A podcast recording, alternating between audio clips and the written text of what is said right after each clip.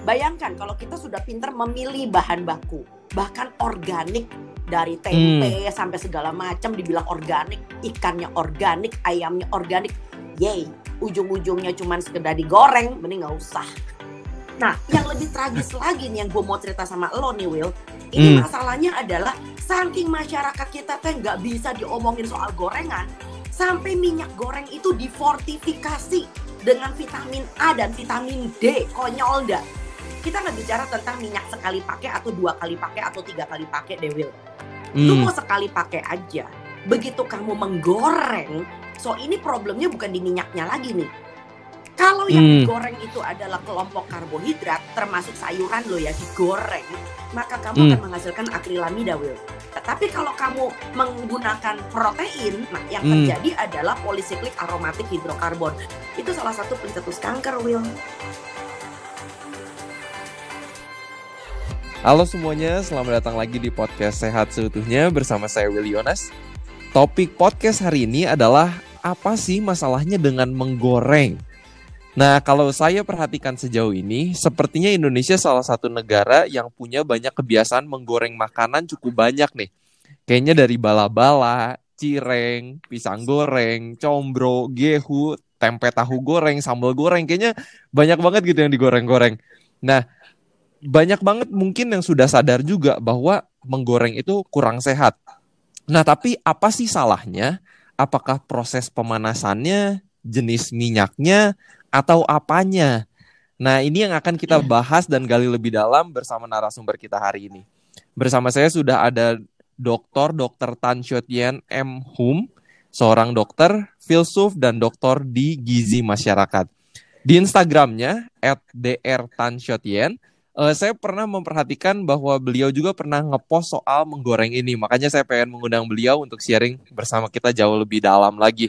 Beliau ini seorang penulis buku-buku kesehatan, artikel kesehatan, lecturer, dan health consultant juga. Pengalaman beliau udah banyak banget sampai saya udah nggak tahu mau nyebut yang mana aja. Tapi beliau rutin juga berbagi di Tribun News. Dan kemarin juga saya baru lihat sempat diundang juga di Kompas TV untuk membahas salah satu eh, diet tanpa sayur yang kemarin sempat viral. Jadi tanpa menunda-nunda waktu lagi, saya mau welcome Dr. Tan Shotian. Halo, sore dok. Hai, apa kabar, Will? Baik dokter, dokter gimana nih dok kabarnya? Alhamdulillah masih hidup, menyenangkan sekali bisa bicara dengan begini. ya itu adalah bagian yang harus disyukuri bahwa kita hari ini sampai sampai detik ini masih sehat, masih sejahtera dan masih bisa ngobrol. Itu adalah anugerah ya. Amin, amin bener dok. Dan kayaknya ini COVID kayaknya udah lebih membaik nih dok ya kayaknya ya. Well yes and no, jangan keburu senang dulu. We never know what happens. Ya, that's true. Bener, bener, bener. Ya. Setuju, setuju banget. Oke dok, ini hari ini kita bakal ngobrolin soal menggoreng nih dok. Mhm. atau soal gorengan. Ya. Aku pengen tanya pertama, kalau misalnya dokter dalam prakteknya nih lagi ngobrol soal eh, nutrisi pasien, gizi pasien, Hmm. Banyak nggak sih dokter menemukan pasien-pasien dokter itu konsumsi banyak gorengan? Oh ya, itu yang yang yang salah satu apa namanya masalah besar yang ada di Indonesia. Tadi seperti yang Mas Will bilang bahwa orang Indonesia itu kayaknya kalau nggak ngegoreng kayaknya dia bingung terus ma- makanan ini mau diapain dok gitu ya kan? Sampai Bener-bener. ada yang nanya, oh, oh, di Instagram juga sampai ada yang nanya, lah dok kalau gue nggak boleh pakai minyak goreng, terus ini mau gue apain nih bahan makanan semua gitu kan? Iya iya iya bener. Iya, ngeri-ngeri sedap nih. Kalau lo nanya sama gue nih ya, ini yang yang yang yang aku permasalahkan di Indonesia ini adalah bicara tentang edukasi nih. Hmm, Ya, edukasi. Edukasi dalam hal apa? Bicara tentang keterampilan. Keterampilan apa? Keterampilan masak. Saya sedih Hmm. banget nih kalau ngeliat orang-orang Indonesia tuh kebanyakan eh, yang diturunkan ke bocah-bocahnya itu itu cuman keterampilan sebatas keramas, mandi dan dandan. Tapi nggak ada namanya keterampilan masak. Nah, itu dia.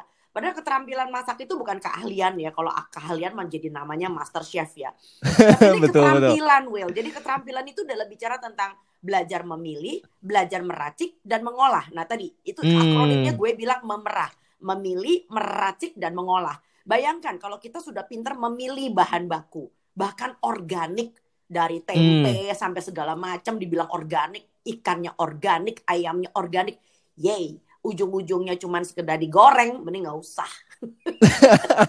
ya kan Nah, itu- konyol banget gitu loh. Sampai gini, Will, saya tuh pernah sampai ada ada satu ilmuwan ya, malunya nih Hmm. bule gitu loh ya. Si bule Oke. ini membuat suatu penelitian, studi-studi bagus banget ya. Studinya panjang banget.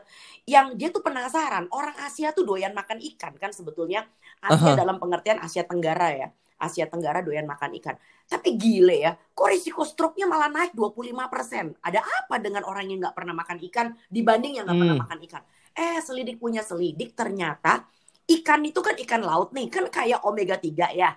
Ya, Hmm. salah satunya adalah yang kita pasti kita gadang-gadang adalah ikan kembung. Ikan kembung tuh kebanggaan bangsa kita loh, Will. Jadi Hmm. eh, ikan kembung tuh omega 3-nya jauh melampaui si yang namanya salmon.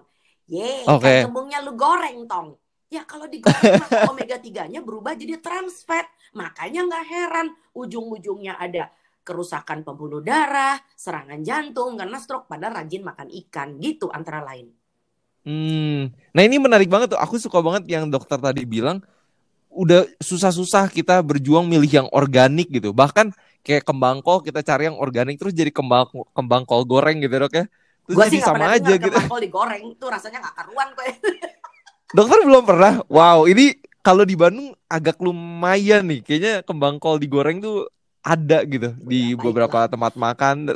itu kalau kelihatan sama bule itu udah dinista-nistain kali ya. Kembang kol baik-baik tinggal di blanching ya. Di blanching kan dicelup sedikit dengan air panas ya. And that's it gitu loh. Kan kita bisa makan enak banget kembang kol. Bener-bener. Nah dok penasaran kalau mungkin dokter udah pernah merhatiin, maksudnya Hmm. merhatiin juga gitu eh, dengan disease disease negara lain. Hmm. Kalau dibandingin Indonesia, ini Indonesia emang kebiasaan menggorengnya itu jauh di atas negara-negara lain gak sih dok atau gimana dok? Ya, gini, eh, podcast kita akan membosankan kalau saya bicara seperti kayak pejabat tentang statistik ya, Will ya. Tapi Aha, sekarang aha. gini aja, aku cuma pengen ngomong satu hal. Problem besarnya adalah sekali lagi, rakyat kita itu bahkan dari makanan pendamping ASI, lu kebayang nggak MPASI? MPASI Aha. itu banyak spesialis anak juga mengajarkan ibu-ibunya bikin buburnya itu plus ayam, ayamnya teh digoreng, cena. Lo kebayang nggak sih alasannya Hmm. apa? Alasannya karena bayi butuh lemak. Oh itu aku setuju banget Will. Ya bayi-bayi Right. kita butuh lemak. Bahkan 50% kalorinya mereka itu berasal dari lemak. Dengarkan kata lemak. Oke, orang Hmm. dewasa tuh 50% kalorinya kan dari karbo. Kalau bayi Betul. sampai usia 2 tahun 50% kalorinya dari lemak. Ntar dulu. Tapi lemak kan tidak sama dengan minyak goreng, Will. Nah, itu yang jadi masalah. lemak kita bisa dapatkan di mana? Tolong diingat, lemak itu nggak kelihatan, cuman kelihatan lemak kayak gaji minyak goreng. Itu enggak loh. Sebab hati ayam ada lemaknya. Kita makanin bayi kita ikan, ikan ada lemaknya. Kita kasih dia makan daging ayam, daging ayam pun ada lemaknya. Apalagi kalau kita bicara tentang tempe, tahu itu ada lemaknya. Ya, jadi Hmm. eh, ini ada sesuatu kekisruhan gizi. Nah, bicara tentang mengenai masalah lemak dan minyak goreng dan sebagainya. Kita tahu bahwa lemak itu sangat berguna bagi tubuh manusia, terutama asam lemak yang Hmm. tidak jenuh. Karena apa? Karena hormon kita dibuat dari dari lemak loh, Will. Nah, lalu Hmm. kemudian kita punya vitamin A, vitamin D, E, dan K, itu semua larut dalam lemak. Jadi kita nggak boleh musuhan sama lemak. Tapi lemak itu Right. nyuwun sewu nih, itu nggak identik dengan minyak goreng. Nah, yang lebih tragis lagi nih yang gue mau cerita sama lo nih, Will.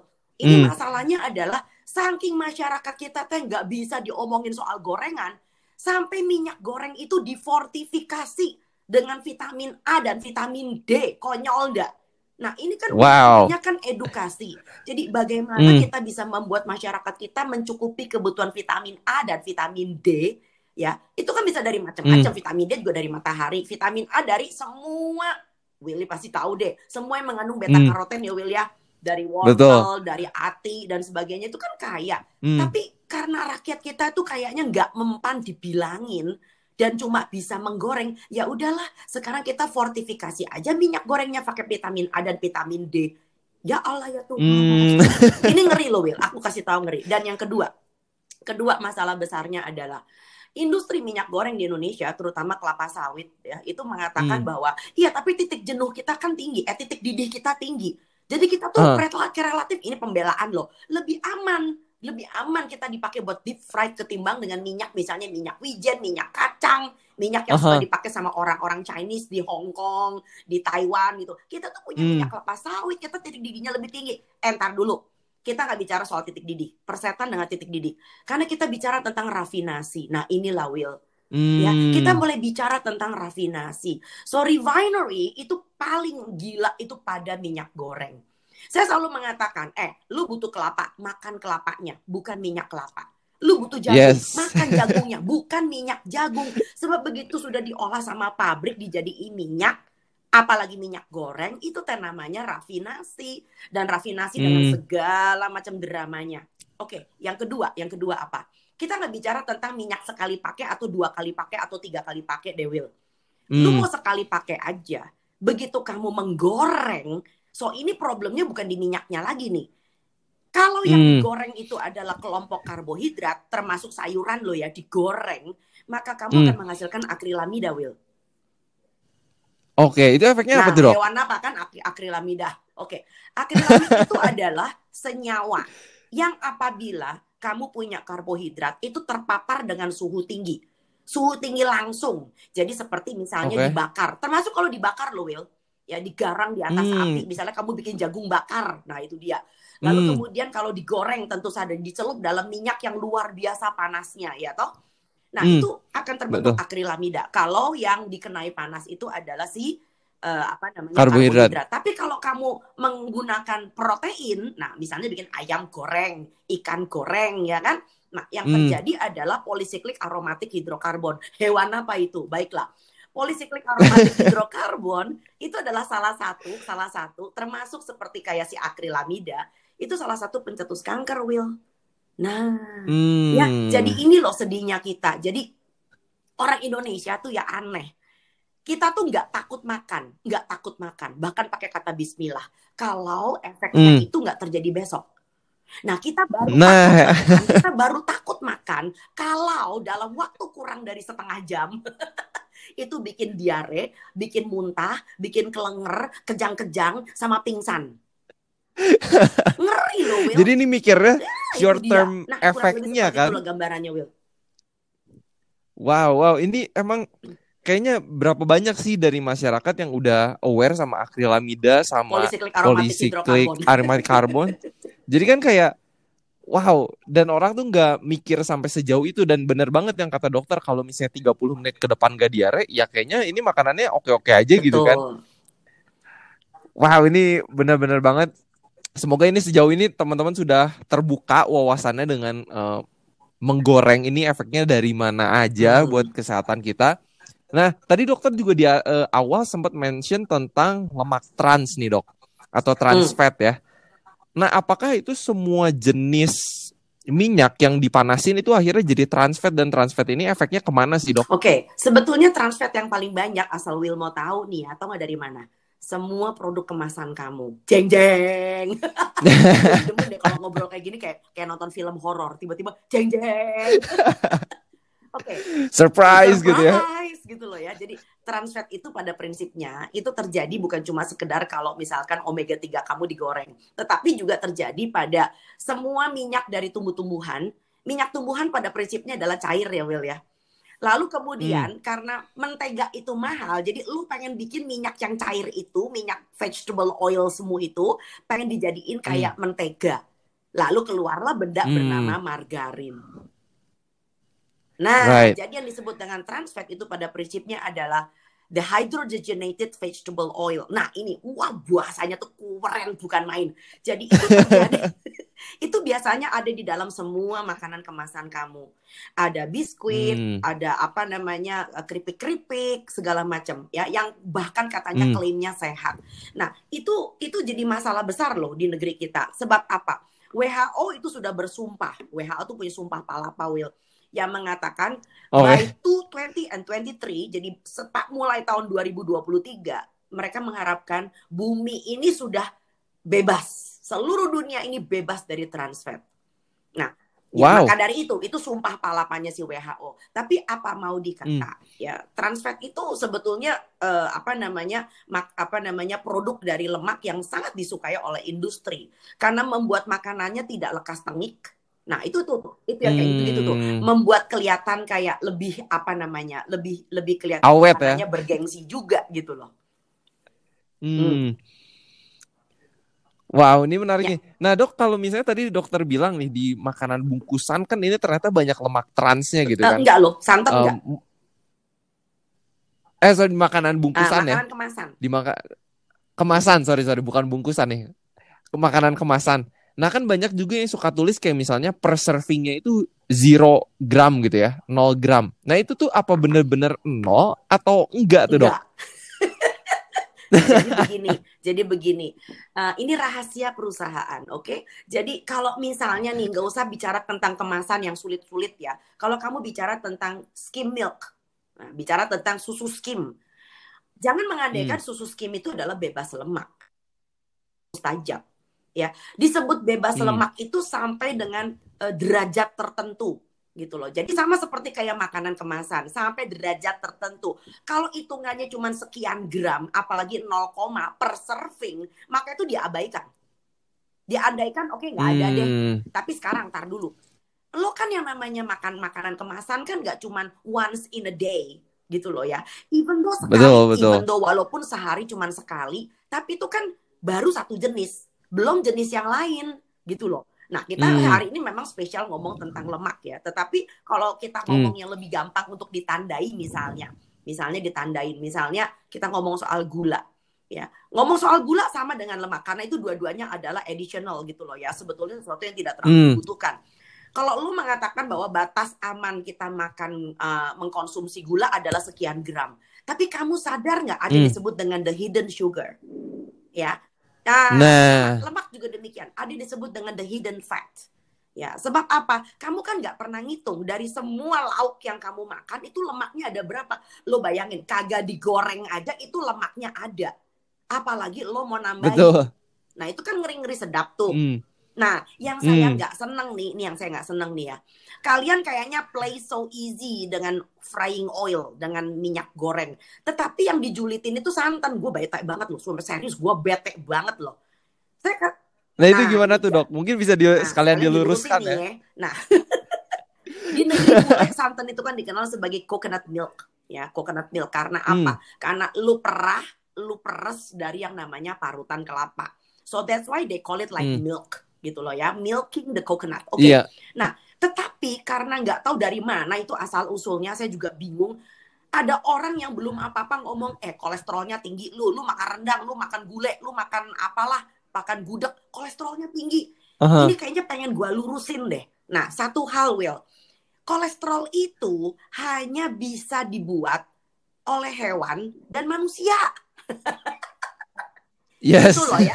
Jadi Betul. tumbuh-tumbuhan itu dari kelapa sampai duren itu nggak punya kolesterol tong.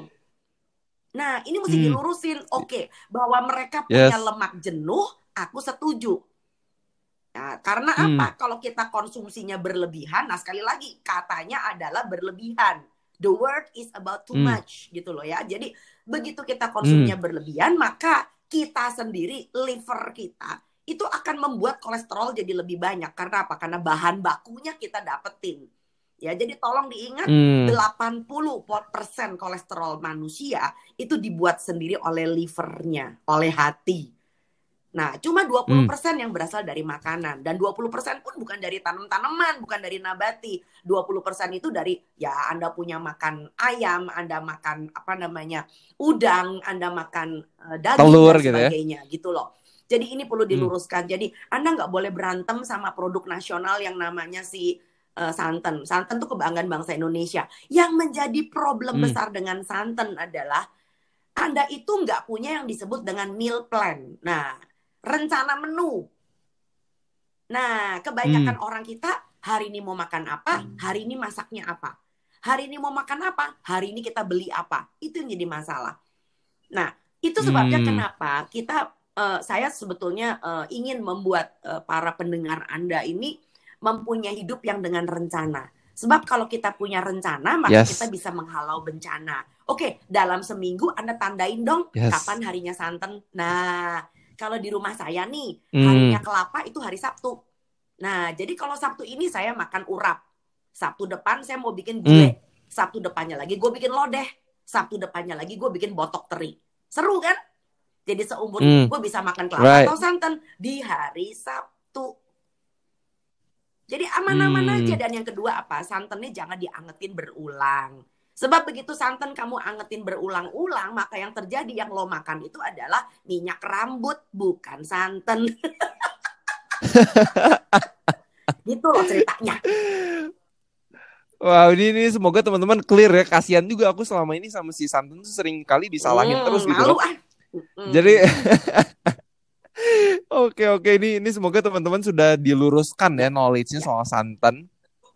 Dan dok kemarin tuh saya sempat eh, baca-baca juga eh, mengenai menggoreng itu ada yang membuat satu senyawa namanya Advanced Glycation End Products atau AGES ini eh, meningkat. Nah itu mungkin kira-kira dokter bisa elaborasi ini apa sih Advanced Glycation End Products dan efeknya ke tubuh itu apa sih dok? Sebetulnya sih bukan advanced glycation and product nih. Ini gue mau lurusin lagi nih. Kalau advanced, uh, Boleh, kalau boleh, boleh. advanced glycation uh, and product itu adalah kalau seandainya uh, kita itu apa namanya ya makan gula berlebihan, lalu gulanya berikatan dengan protein. Nah itu sebabnya kenapa Oke. akhirnya menjadi uh, apa namanya uh, uh, menjadi kerut. Nah makanya kenapa itu musuhnya buat orang-orang yang sok gaya-gayaan anti aging nih. Nah, Oke nah, oke menarik Nah, menarik nah, menarik. Yang, yang yang ada dengan lemak itu adalah yang disebut dengan ALES. Nah, apa itu ALES? ALES itu adalah advance. Oke. L-nya itu adalah eh, apa namanya? eh sebentar.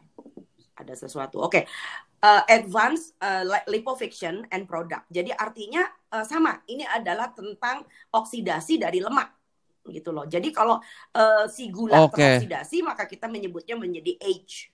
Ya, makanya kelihatannya age kayak you are Hmm. aging gitu loh ya. Tetapi kalau kalau si Eh, apa oke. namanya lemak itu menjadi ALS. Nah, ALS ini yang mempunyai problem dengan eh, Anda punya sel dalam tubuh. Kurang lebih seperti itu kalau pakai bahasa awam. Hmm.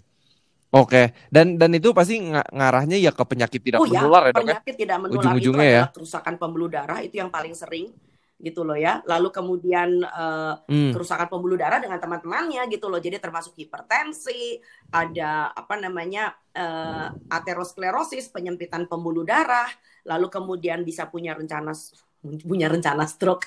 Ada orang ingin merencanakan stroke dalam hidupnya dan sebagainya. Dan termasuk juga risiko kanker, itu yang kita takutin. Hmm. Betul betul betul. Nah, Dok, kalau misalnya eh, mungkin dari teman-teman yang lagi dengar podcast ini juga ada pertanyaan nih. Kalau itu kan nih minyak yang dipanaskan gitu ya. Berarti ini pada dasarnya mau minyak apa kan makin banyak ya ada avocado Hmm. oil, ada wijen oil, ada pokoknya minyak Hmm. banyak banget gitu. Pokoknya kalau dipanasin jadinya Nah, itu nggak bagus ya, Dok ya. Nah, Mau minyak yang apa pun. menarik nih, Will. Jadi eh gini, nomor satu, ada orang punya duit banyak, tapi kagak ngerti duitnya mau dipakai buat apa. ya gitu loh ya. Sama Oke. seperti misalnya, gue udah pas-pasan nih, tapi punya rumah cuma tipe tipe 21 nih ya. Tapi kemarin gue ngeliat, wih ada Hmm. artis, dia lagi eh, apa namanya ngendorse jualan eh, lampu kristal. Tertarik dong ya, gue beli lampu kristal. Tapi gue taruh Hmm. di WC, lucu nggak sih? Gitu loh ya, ibaratnya kayak gitu. Jadi gini gini gini gini, gini. udah. Budaya kita adalah budaya menumis dan menggoreng. Lalu kita melihat di luar negeri ada yang Hmm. mengatakan, eh extra virgin olive oil tuh sehat loh, EVO itu sehat loh. Oke, saya saya saya Right. tak lurus ke DC yo. Ini yang namanya minyak zaitun sehat teh kenapa coba? Ya, minyak zaitun disebut sehat itu Hmm. karena memang karena cara pembuatannya itu sama sekali tidak menyentuh panas. Nah, mereka itu menggunakan yang disebut dengan Hmm. suhu yang sangat rendah, mesinnya punya tekanan tinggi. Lalu makanya disebut minyaknya itu disebut cold press. Dipres dengan cara dingin, dengan suhu rendah. Hmm. Makanya masuk ke dalam botol. Pernah lihat nggak minyak zaitun dijual pakai plastik? Kagak kagak ada tong. Masuk ke dalam Kagak ada bener. dalam botol. Udah kayak gitu botolnya berwarna gelap. Artinya apa? Terhindar dari cahaya, terlindung dari panas. Weh, minyak zaitunnya dipakai buat tumis kacang panjang, Bo. Lelah kan? Ya, jadi itu sebabnya kenapa ya kalau Hmm. pengen belajar pakai sesuatu, belajar dari negeri asalnya, biar kita nggak kelihatan malu gitu loh ya. Makanya di luar negeri minyak zaitun dipakai selain buat minyak pijat, selain buat pijet, makanya lebih pakai buat pijet aja, juga dipakai buat apa? Dressing. Nah, dressing Hmm. dipikirin tadi atas salad, maka disebut Mediterranean eh, apa diet itu sehat banget karena mereka banyak menggunakan Diet. minyak zaitun. Tapi ya sudah lah ya, itu kan Hmm. orang-orang di daerah Timur Tengah dan di Eropa Selatan sebelah sono. Kita kan orang Melayu, Right. kenapa juga zaitunnya aja kagak tumbuh di tanah air kita? Jadi kenapa juga kudu jadi importir tong? Akhirnya apa? Minyak zaitun cakep-cakep Hmm. dipakai buat numis. Innalillahi wa inna ilaihi rajiun. Tobil deh, beneran. Bener bener bener. Dan kayaknya maksudnya buat orang Indonesia pas dengar kayak oh ya ini extra virgin uh, olive oil tuh bagus, harganya mahal pun berani Nah, beli itu. gitu. Itu Karena dia kayak- orang kalau punya uang lebih tapi tidak punya edukasi, ya jadi begitu deh. Nah, serem kan? Ya bener bener bener bener. Jadi aku suka banget waktu itu baca salah satu artikel yang dokter tulis di Kompas eh, bahwa apa ya waktu itu orang orang Jawa Orang Jawa bermata biru, ya kalau nggak Nah, salah ya. dia. Jadi Iya. ya, ya. Jadi bener-bener kayak kita orang hidup di Indonesia di Asia kok kita mau sehat pakai harus pakai cara orang Betul. luar negeri gitu. Akhirnya apa? Itu yang saya mengatakan bahwa menjadi bangsa kehilangan jati diri gitu loh. Padahal di tanah air kita ini banyak sekali Hmm. makanan sehat yang justru lagi diincar sama si bule-bule eta. Ya, lah malah kita kayak tukeran Hmm. ngembat makanannya dia. Nah, ini yang menarik nih, yang menarik nih. Kita ngembat makanannya dia, tapi karena kita nggak doyan dengan seleranya dia, kita banjur pakai cara kita. Akhirnya apa? Gaya-gayaan gitu loh, gaya-gayaan. Makan salad dibanjur pakai Hmm. Thousand Island sama mayones. Gatot. Gagal total. Aduh. Rencana rencana sehat malah dressingnya Nah, yang begitu ini ya, Dok ya. Malah yang nggak bagus ya. Ngeri banget di Indonesia memang. Aduh, bener-bener nih kadang oh yang ngerasa udah makan sayur Mm-mm. gitu, kok udah makan salad taunya Ya, gaya, dressingnya kan? gitu yang salah. dia. Padahal Aduh. enak makan lalap Ternyata sambal kayak ya. oh iya udah makan. Ya kenapa nggak makan lalap sambal? Pakai sambal Benar. merah. Pakai sambal dabu-dabu. Nah, loh. Hmm. Banyak. Opsinya banyak Ya, banget sebenarnya ya, makanan. Jati diri. Kalau kita nggak punya jati diri, kita selalu lihatnya ke tetangga sebelah, ya urusan jadi panjang. Yes, Gitu. bener-bener bener banget. Nah ini dok, mungkin pengen tahu nih kalau dokter di rumah nih, apa sih caranya yang dokter lakukan mengolah makanan tetap enak? Karena kan orang selalu bilang kayak, oh kalau ngegoreng itu lebih gurih, lebih crunchy, lebih melting ke mulut gitu rasanya. Dokter biasa ngolah Begini, makanannya gimana tuh begini. supaya mungkin Tahu nggak kenapa makanan itu enak? Yo. Enggak. pencampuran Nggak rasa kali ya kalau saya. makanan enak makanan enak tahu kenapa itu ada dua hal pertama adalah efek pembiasaan dan pem- pembelajaran jadi kalau orang tua lo dulu ngajarinnya kayak Hmm. begitu ya itu yang lo tangkep ya pembelajaran Hmm. dan pembiasaan. Standarnya enak itu, tuh itu- segitu itu seni gitu ya. banget. makanya kita ini bakal berhutang generasi nih kalau kita mulai membiasakan dan membelajari anak-anak kita dengan makanan yang ngaco. Dan yang kedua, kamu tahu kenapa makanan disebut enak? Hmm. Kamu makan di waktu yang tepat bersama orang yang tepat di tempat yang tepat. Itu sama kayak pilih jodoh. Hmm. Wah bener banget tuh. Apa kita kadang suka nggak nggak mengas nggak mikir sejauh itu gitu kalau makanan enak tuh ada faktor-faktor lainnya juga dia. gitu ya. Jadi lu kebayang nggak kalau makanannya enak dari hotel, tapi depannya tuh musuh bebuyutan lo. Lu telan gitu lidah. Makanya udah nih ya, udah nih ya. Di waktu yang tepat, di waktu yang tepat apa? Makan sebelum lapar, berhenti sebelum kenyang. Nah, itu makanya Hmm. Indonesia tuh syarat dengan banyak ajaran yang baik. Ya, tapi kalau begitu Anda misalnya nih ya Hmm. puasa kelamaan, ya biasa kan sekarang gaya-gayaan intermittent fasting lah segala macam lah itu. Begitu lu aha. lapar, apa juga diembat, gitu loh.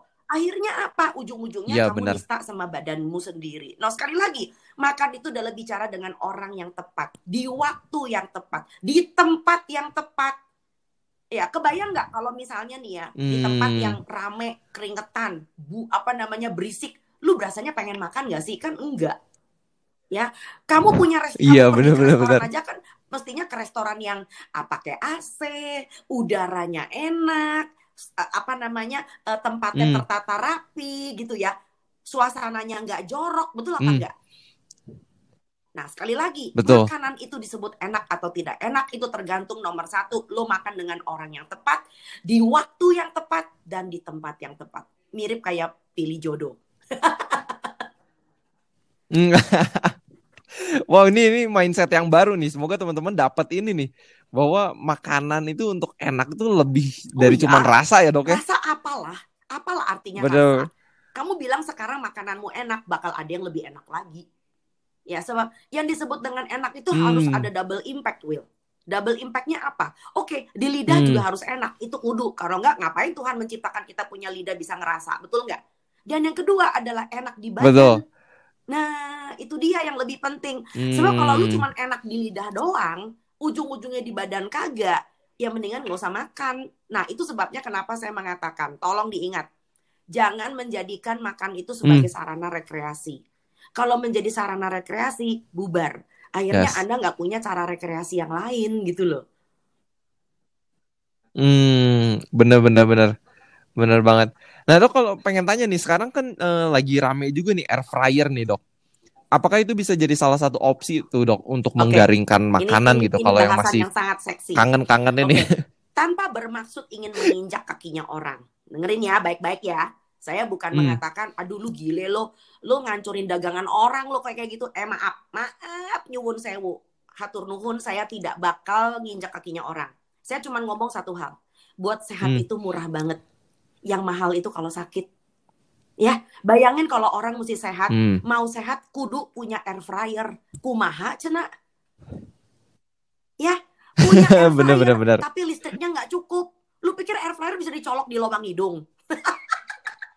ya, demi lu nyalain air fryer, lu kebayang nggak? Demi lu nyalain air fryer, lu mesti matiin lampu, mesti mampi, ma- matiin pompa listrik, mesti matiin segala macem. Gelo pisan atunya. Hmm. Jadi maka dari itu, jadi itu nomor satu ya. Itu nomor satu. Air fryer tuh kan juga wattnya gede Hmm. banget. Oke, yang kedua adalah, eh, yang Betul. kamu takutin cuma minyak doang. Saya setuju kalau air fryer itu membuat asupan minyak kamu jadi berkurang bisa sampai separoh lebih. Karena yang lu pikirin cuma lemak doang. Nah, Hmm. tapi kan Anda lupa. Nah, ini dia. Anda lupa bahwa menggoreng itu atau memanaskan dengan suhu tinggi, apalagi dengan udara panas di dalam air fryer, nggak sama dengan oven ya, Mas. Itu berarti kamu meng, me- apa namanya menimbulkan yang disebut tadi mayat efek. Mayat efek tulisannya Maillard ya. Mayat efek itu ditandai dengan adanya Oke. browning effect.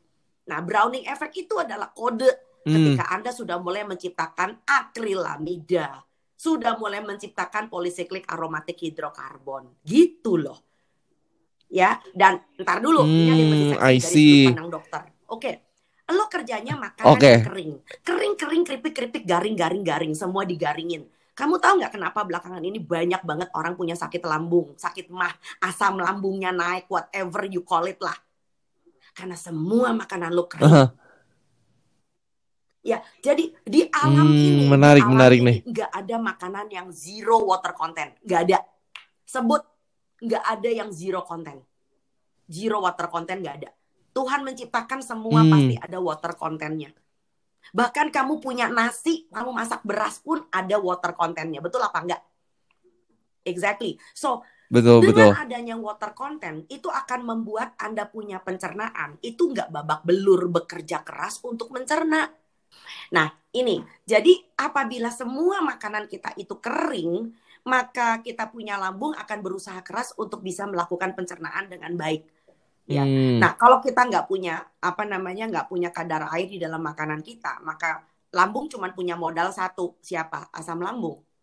Hmm, Ya, oke. jadi itu sebabnya itu sebabnya kenapa zaman dulu nih saya nggak tahu ketika kalian sekolah diajarin apa enggak. Zaman saya sekolah itu yang disebut dengan tata tata cara makan internasional sih. Yang pertama kali disuruh keluar itu apa? Selain appetizer, ya appetizer tuh sambil kita ngobrol-ngobrol lah ya. Tapi yang Hmm. pertama kali adalah sup. Sup itu anget, berkuah. Nah, itu Hmm. akan menciptakan suasana di dalam lambung Anda untuk siap men- menerima makanan yang lebih padat berikutnya. Gitu.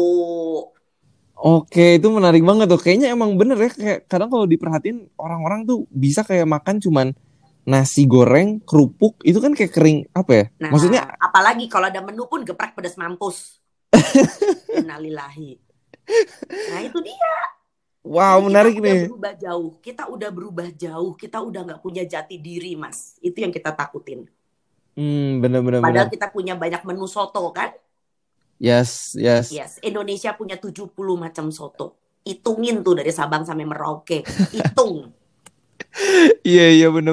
Kayaknya Iya, dan kita cuman berpatokan sama minyak goreng. Capek deh. Dan bumbu soto pun itu sebetulnya tidak perlu digoreng. Saya kalau ditanya, Hmm, dokter, kalau bikin bumbu soto gimana kalau nggak ditumis? Oh ya, saya akan sangrai, Mas. Nah, Hmm. menyangrai itu dalam memasak dengan api kecil, ya. Anda oseng, oseng, oseng, oseng sampai minyak atsirinya keluar karena yang dioseng itu adalah bumbu, ulekan dari bawang, ulekan ada ketumbar, ada kemiri, ya, ada segala macam. Itu minyak atsirinya bisa keluar kalau kamu sangrai.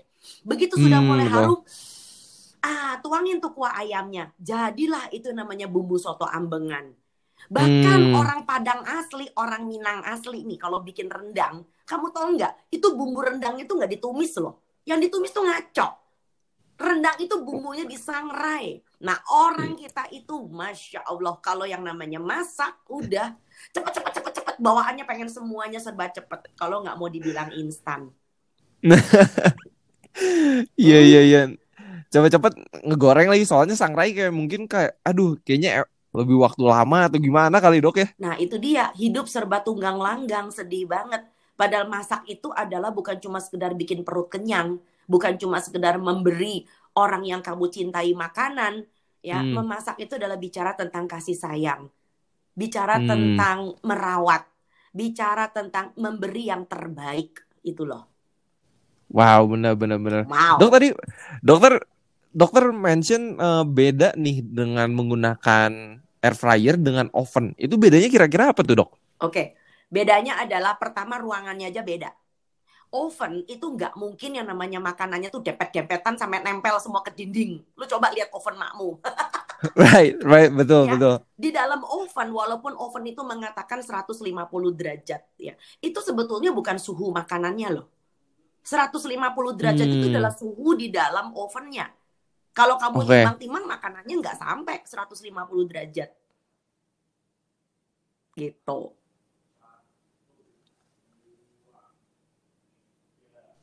Halo? Hmm. Ya, ya, ya. Cek, cek. Oke, oke. Oke, siap. Masih recording. Makanannya makanannya iya. Makanannya nggak nyampe suhu segitu ya? oven itu kalau Anda mengatakan suhu oven 150 derajat, makanannya bukan 150 derajat. Dan tidak ada yang disebut dengan eh, sis- apa namanya, kecuali kalau kamu ngoven sampai gosong ya. Ya, kamu lupa ketinggalan ya dimatiin Hmm. ovennya. ya, lalu ada yang namanya efek gosong. Lalu Maillard efek itu akan terjadi juga. The browning effect. Hmm, I see, I see.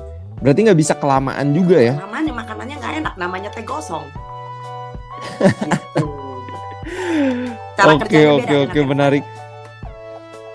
Hmm, oke. Wow, ini benar-benar knowledge eh, baru mungkin buat teman-teman juga bedanya air fryer plus minusnya tadi dokter Pancoitian udah bagiin air fryer dengan oven dan mengenai minyak hari ini kita udah belajar banyak. Dokter, kira-kira ada pesan-pesan yang dokter pengen sampaikan gak nih ke para pendengar podcast kalian mengenai topik kita hari ini? Ya, aku cuma mau pesan satu bahwa cara masak itu nggak cuma ngegoreng kok, tenang aja. Ya bahkan zaman Indonesia belum Hmm. merdeka, menggoreng itu adalah sesuatu yang mewah. Karena apa? Minyak goreng itu mahal banget zaman Hmm. itu. Tapi justru ketika kita belum mengenal minyak goreng secara masif, Indonesia masih jauh lebih sehat. Dan masakan Indonesia itu sebetulnya Hmm. bukan menggoreng. Masakan kita kita bisa sebut-sebut lah dipepes, dibikin sop, di soto, di garang asem, di pesmol, di pange, di arsik, di woku, di tim, bahkan dibakar. Dibakar pun tidak perlu sampai seperti yang seperti Anda makan sate. Dibakar yang benar itu dibungkus Hmm. pakai daun. Jadi akrilamidanya tuh ada di dalam daun yang gosong, kayak kita bikin otak-otak gitu loh, ya. Tetapi di dalamnya selamat. Itu yang membuat kenapa kita sehat. Yes. Makanya kita punya banyak daun pisang ya dok ya? Sama tetangga pasti dikasih. Bener-bener banget. Wow, ini teman-teman berarti ini dapat challenge baru untuk belajar masak lebih ya, dalam ya dok ya. memasak itu bukan keahlian. Jadi sekali lagi memasak adalah keterampilan. Kenapa? Karena lu punya badan mesti dikasih makan. Sama seperti anda harus punya keterampilan keramas. Kenapa? Lu punya rambut kan? yes. bener, bener, bener, bener banget. Wow dokter, thank you so much sudah berbagi di podcast kali ini. Uh, pasti ini berguna banget uh, buat masyarakat. Semoga makin banyak yang terbuka pikirannya, kasih tahu ke orang tuanya yang mungkin udah punya kebiasaan ya. menggoreng bertahun-tahun. Sekarang mari kita belajar kebiasaan baru ya dok ya, membuat kebiasaan ya, baru. Membuat gitu. kebiasaan baru dan akan lebih jangan lupa, yes, dan jangan lupa juga makan dengan orang-orang yang kalian kasih oh dok ya, ya. itu penting juga ya. Tepat bersama orang yang tepat di tempat yang tepat. yes, suka banget itu suka banget. Well, thank you so much Dokter Tan Shotian. Nanti kapan dokter ada waktu lagi ingin banget mengundang dokter untuk mengeksplor topik-topik kesehatan lainnya lagi dok ya. ya Masih banyak banget hati. ya. Dan seperti biasa, harapan saya semoga kita sehat seutuhnya.